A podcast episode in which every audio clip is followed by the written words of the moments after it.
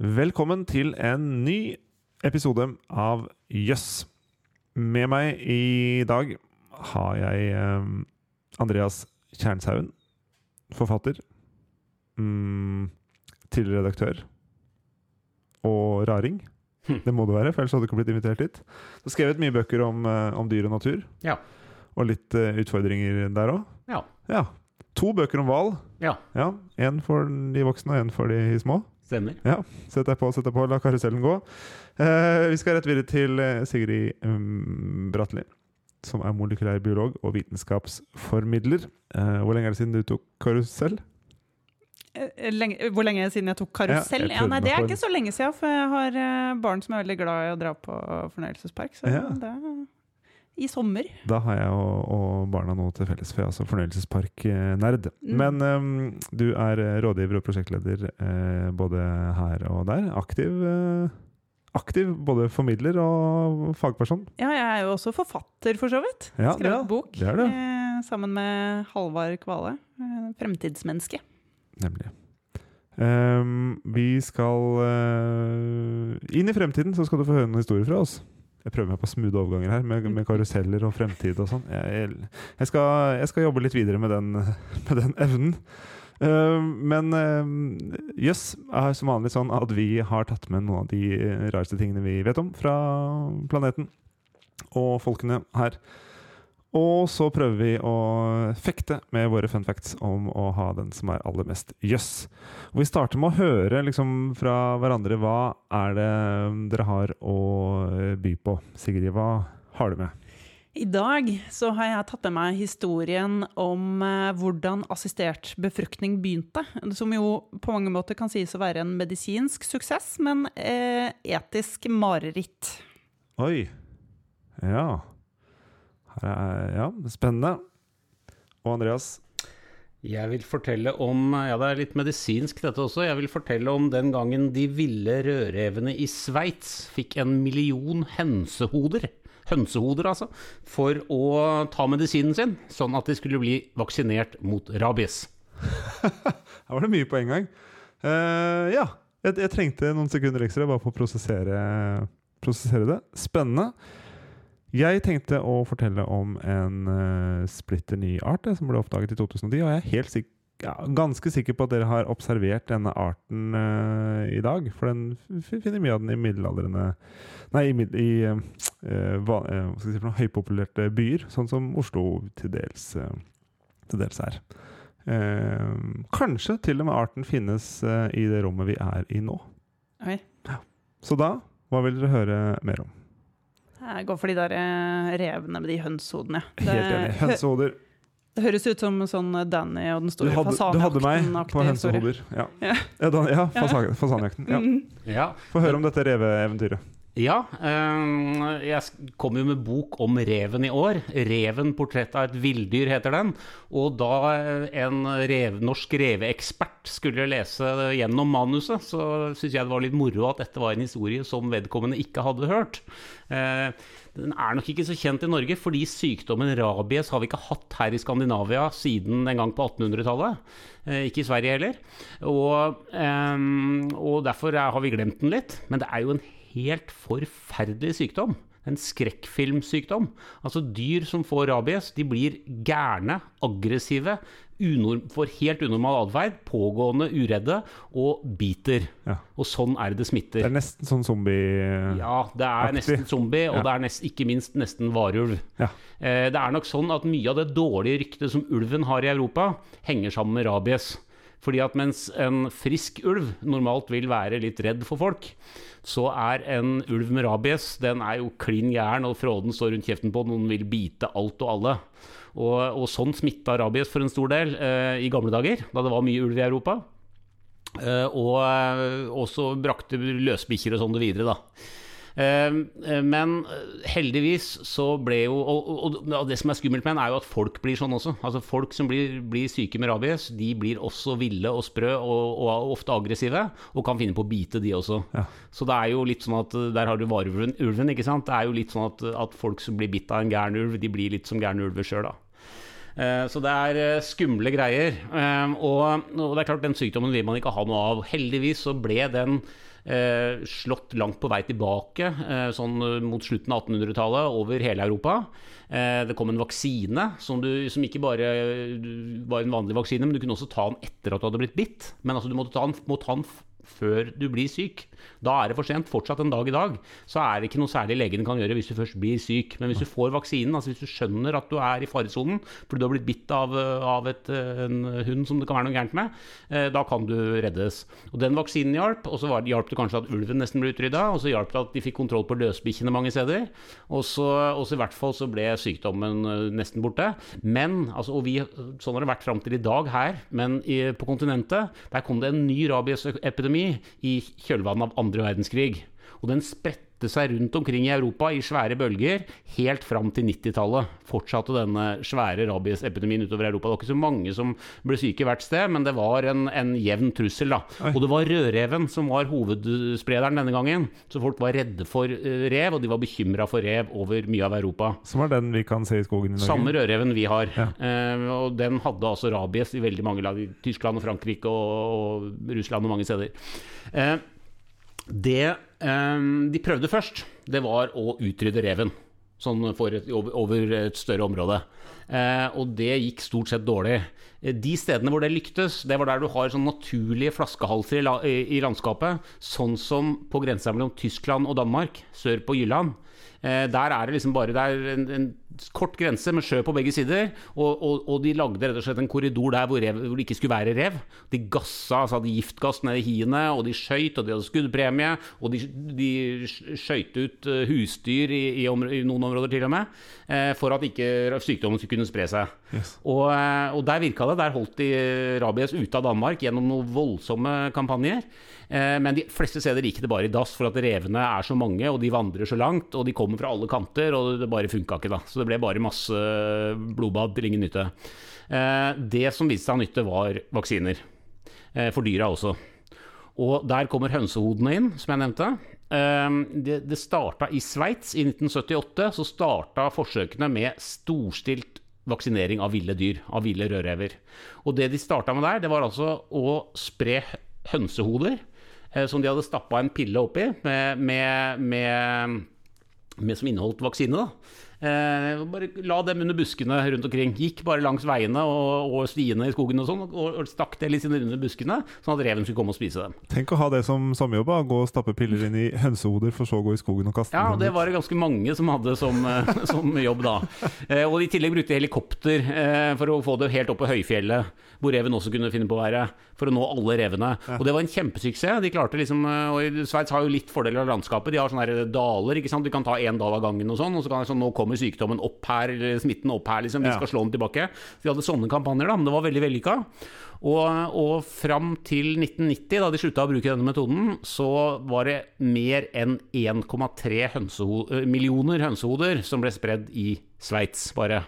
Og det ble også, metoden ble også tatt i bruk i andre land. Men det folk fort skjønte, var at det burde være mulig å gjøre dette på en enklere måte enn å drive og stå og kline med hønsehoder Ja. og stappe piller opp Men hvorfor under bare hodene? Vet du hvorfor det var det var, vel van, det var vel avfall på slakteriene Ja. som, eh, som ikke ble brukt til noe særlig. Eh, og så var det på en måte en forholdsvis håndterbar, passe stor enhet også.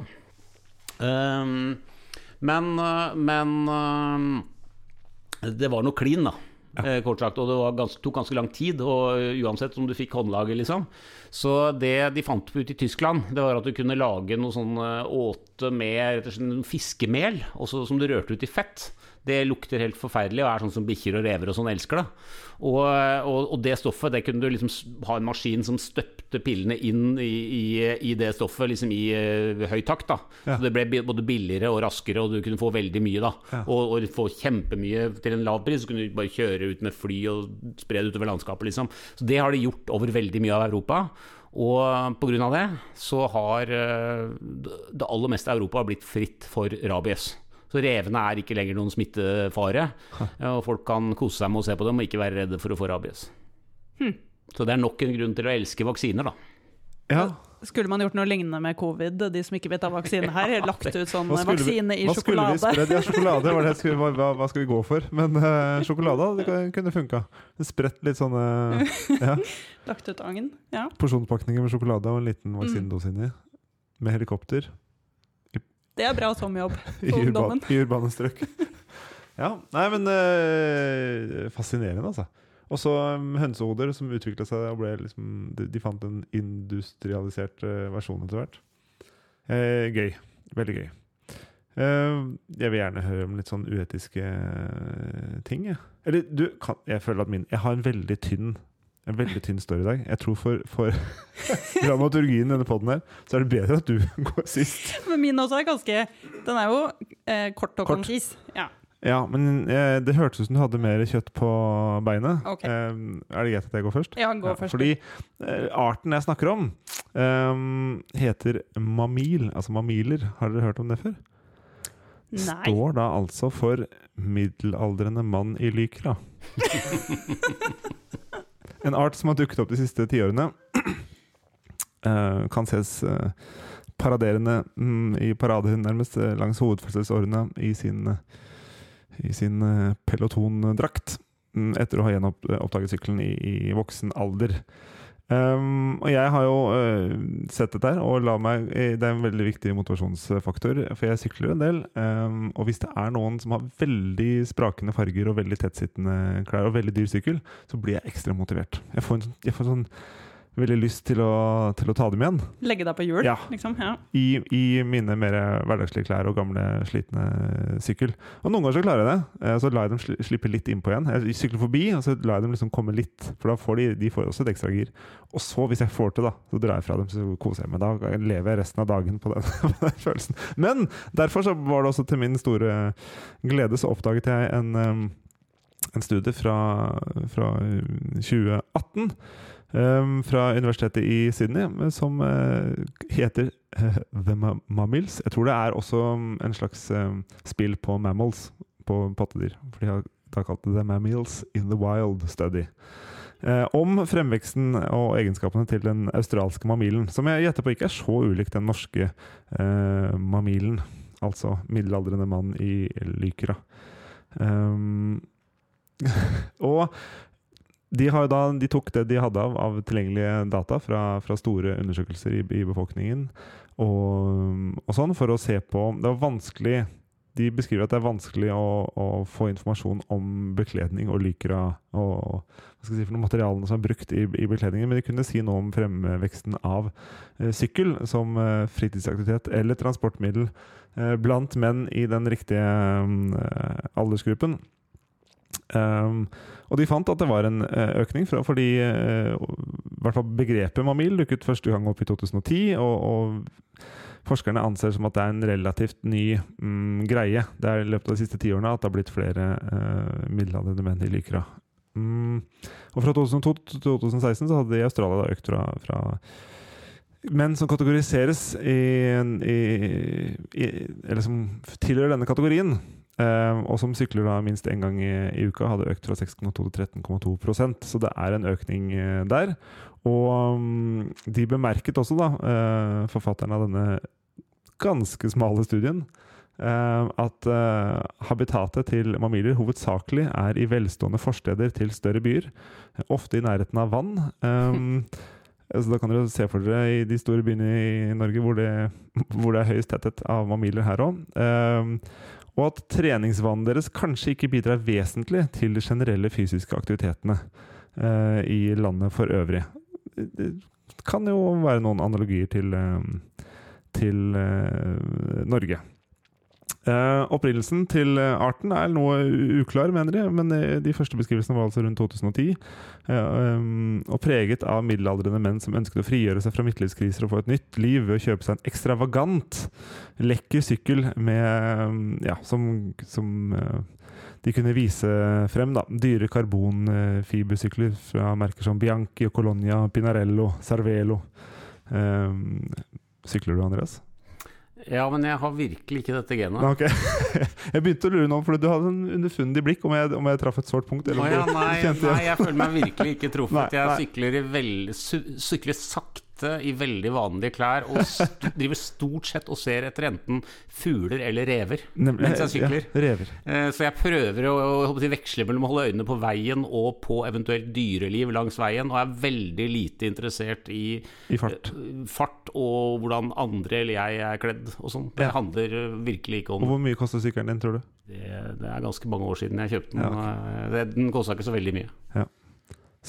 sykler du liker å Eh, Ikke liker det. Men jeg, men jeg kjenner godt til denne arten. Altså jeg bor i et eh, litt sånn friskusområde hvor det er jeg tror, over snittet høy forekomst Ja. av, av eh, eksemplarer av denne arten. Okay. Eh, og det er ganske mye oppoverbakker eh, fra byen og hjem. Eh, men jeg har jo elsykkel. Så jeg brenner jo forbi de gutta eh, til både titt og ofte. Hvordan tar de det? Jeg vet ikke, de blir ikke sånn eh, kjempeimponert eh, over at jeg har L, men eh, ja. Nei, det, det, er, det er morsomt likevel å se hvordan de liksom ser seg litt sånn. Ja. Ja. Um, det kom inn i Altså, begrepet mamil kom inn i Oxford English Dictionary um, i uh, 2015. Jeg snakker til deg som har jobbet i Store norske leksikon, uh, um, Andreas. Og der er det definert, dette er min oversettelse, middelaldrende mann, uh, spesielt en ivrig landeveissyklist, kan det være, som tar trening veldig seriøst og bærer den typen klær forbundet med profesjonelle idrettsutøvere. Eh, og Samme år så oppførte Oxford-ordboka også flere andre nye ord som ga gjenklang hos mobilartene, sånn som eh, ja, med, flash eh, crash og network marketing og mye andre greier som de mener som da er lenket til fra denne eh, oppføringen av, av mamiler. Så ikke noe særlig å lære av denne historien. Men jeg som da um, får ikke bare ett ekstra gir, men jeg får en sånn veldig fart med meg når jeg havner bak en sånn uh, Lykra i neonfarger, um, så, så ble jeg liksom glad at det var noen andre som åpenbart har litt den samme interessen, og tenkte her skal vi faktisk gjøre en, en, en studie. Og så venter jeg på at den kommer eh, i norsk, eh, at den gjentas i Norge, da. Så dere som hører på, jeg vet det er noen forskere blant dere, kast dere på. Jeg, jeg, skal, være, jeg skal være med å finansiere studien på et eller annet vis. Nå vil jeg høre om, om um, uetisk eh, assistert befruktning. Det var ikke helt det. Eh, jo, det, det, ja, det skal bli noe, etisk, noe uetisk assistert befruktning i denne historien. Men jeg kan jo begynne å si litt først om, om på en måte assistert befruktning generelt. Da, for det er jo noe som i dag er eh, helt vanlig. Altså, for det første så har vi jo en fertilitetskrise eh, på gang, så det er jo stadig flere som trenger hjelp. Så i eh, en norsk skoleklasse, en gjennomsnittlig størrelse sko skoleklasse, så er det i snitt én eh, som er eh, unnfanget ved hjelp av assistert befruktning i noen form. Så det er rundt Allerede i dag. så- ja, det er drøyt 2000 barn i året i Norge som fødes ved hjelp av eh, assistert befruktning. Så det er jo helt vanlig. Ja. Eh, men det har det jo ikke holdt på å si, vært så lenge. Det er jo noen tiår tilbake at det først ble vanlig. Men vi skal enda litt lenger tilbake å, måte, til opprinnelsen bak assistert befruktning, og første gang det ble gjort. Og det er jo da assistert befruktning i sin aller enkleste form, eh, som er inseminering. Altså at du bare rett og slett tar eh, eh, hjelper kjønnscellene litt eh, eh, på vei. Det var da I 1884 så var det da en lege som het William Pancoast, som hadde et par eh, som ikke kunne få barn til konsultasjon. Ja. Eh, og han eh, undersøkte eh, opp og ned, han var ganske overbevist lenge om at det var kvinnen som var problemet. Eh, men etter lang tids undersøkelser så eh, konkluderte han med at det kunne ikke være det, det måtte jo være mannen. Eh, så da han studerte eh, spermen til denne mannen, som eh, da noen år tidligere hadde hatt en liten runde med gonoré, så skjønte han at eh, det var antagelig det som var årsaken. da Han så i mikroskopet at her var det lite liv. Ja. Men det sa han ikke til dem. Eh, han istedenfor eh, å fortelle om problemet og eventuelt vurdere eh, i samråd med dette paret hvilke løsninger de kunne vurdere, så tok han saken i ja, ikke egne hender, men nesten. Oi. Han eh, da med seks av sine medisinstudenter til stede, så eh, hadde han invitert denne kvinnen da på en ny undersøkelse. Eh, bedøvet henne med kloroform. Eh, og fikk da en av sine mannlige studenter, som da hadde donert sperm, og da inseminerte henne med denne eh, spermen. ja. Ja. Nemlig. Eh, og han sa jo heller ikke noe til paret før eh, lenge etterpå. Altså hun ble jo gravid Ja. og fikk barn, så det Ja. var da verdens første barn unnfanget ved hjelp av assistert befruktning. Ja. Eh, og de visste ingenting. De, de visste jo ikke at eh, de ikke kunne få barn i utgangspunktet, de trodde jo det var mannens eh, barn.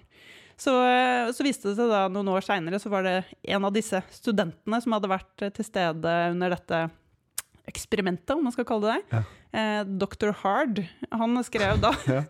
en artikkel Vi lar det navnet bare skrive forbi. Ja. Han skrev da en artikkel som oppsummerte dette, da, hva som egentlig hadde foregått. ja, Så det var han da- som avslørte det, ikke, ja, for ikke offentligheten. Ja, det, han hadde vel kanskje sagt noe til mannen på, på et senere tidspunkt etter noen år. Men eh, kvinnen og, og verden for øvrig fikk jo ikke vite om dette før den artikkelen var da skrevet i et tidsskrift Oi. noen år senere. Da var vel dette barnet rundt 25 år gammel, tror jeg. Dette ville jo ikke vært greit i dag. Eh, nei. Men var det, Det var- var det måtte, eh, Ikke greit engang, men var det, var det sånn man eh, gjorde, sånn etisk sett, på den tida? Var det liksom Jeg håper jo ikke det, at det generelt var sånn man drev ting. Men, men det er jo ikke den første historien hvor man har hatt etisk litt betenkelige type eksperimenter som man har tatt kunnskap fra, som Nei. vi bruker i dag. Vi vet jo en del f.eks.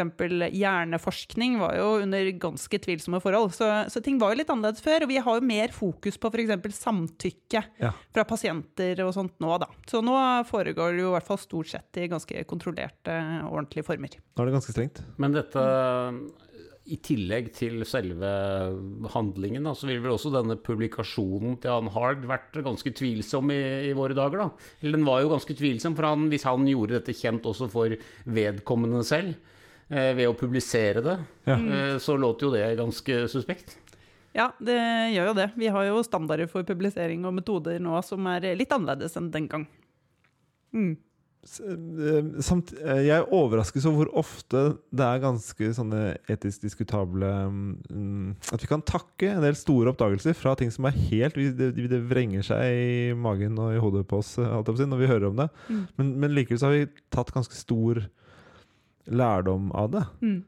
Jeg syns jo, hvis man først har kunnskapen, selv om det ble fremskaffet på uetisk vis, Ja. Så ville det på en måte også vært uetisk å ikke bruke den kunnskapen hvis det kan komme noen til hjelp i dag. Ja. Selv om man kan fordømme måten forskningen ble gjort på den gang. Det er i hvert fall min holdning. Vi kan ikke se bort fra kunnskapen, selv om den Nei. kom fram på, på råttent vis. Nei. Nei. Men vi kan fordømme måten det ble gjort på, og Absolutt. sørge for at ikke det skjer igjen. Absolutt. Mm. Ja, gøy. Hva var mest uh, yes av disse historiene? Hva overrasket dere mest? Eh, altså disse, Jeg hadde jo aldri hørt om eh, disse Jeg kan jo ikke si min egen, for det visste jeg jo. Eh, men eh, disse hønsehodene var jo veldig overraskende for meg. At de ville gått så drastisk til verks med- for å eh, vaksinere rever. Ja. Jeg er jo også overrasket over Lykra, men, eller jeg er jo ikke så overrasket over at de finnes. Nei. Men at det fantes en artikkel på det, Ja. det var jo litt overraskende. Jeg stemmer også for, eh, for hønsehodene her, altså. Eh, og, og koblingen til, til rabies. Ja. Mm, ja, under tvil. Du, godtar ikke premisset. Jo, så bra. Og boka kommer om ikke så lenge. Nei, den er ute. Den er ute. Den er der ute. Ja, da kan folk lese mer om det fascinerende den fascinerende arten, um, som, som nok uh, i større grad kvalifiserer som art uh, enn mine, mine mamiler. Bedre etablert, ja. Mer, litt mer etablert. Men eh, eh, tusen takk for at dere kom, begge to, og tok av tiden, til, eh, tiden deres til å, til å spre eh, rare ting som jeg ikke visste fra før, og kanskje ikke du som, eh, som hørte på heller. Hvis Norges fremste reveforsker ikke hadde hørt, eller, eh, ja, ikke hadde hørt om disse revehodene før, så, så tviler jeg. Selv om det er mye smarte folk som hører på Jøss, så tviler jeg på at dere visste om den før. Vi høres en uh, annen gang. Fortsett å snakke med folk uh, om uh, jøss. Det er sånn vi får nye og fine eh, lyttere. Og så send inn forslag til både folk og, og, og eh, facts og fortellinger dere vil eh, høre mer om i Jøss. Det syns vi er hyggelig. Kan gjerne sende lydmelding på et eller annet vis, så kan vi inkludere det i, uh, i podden. Takk. Ha det.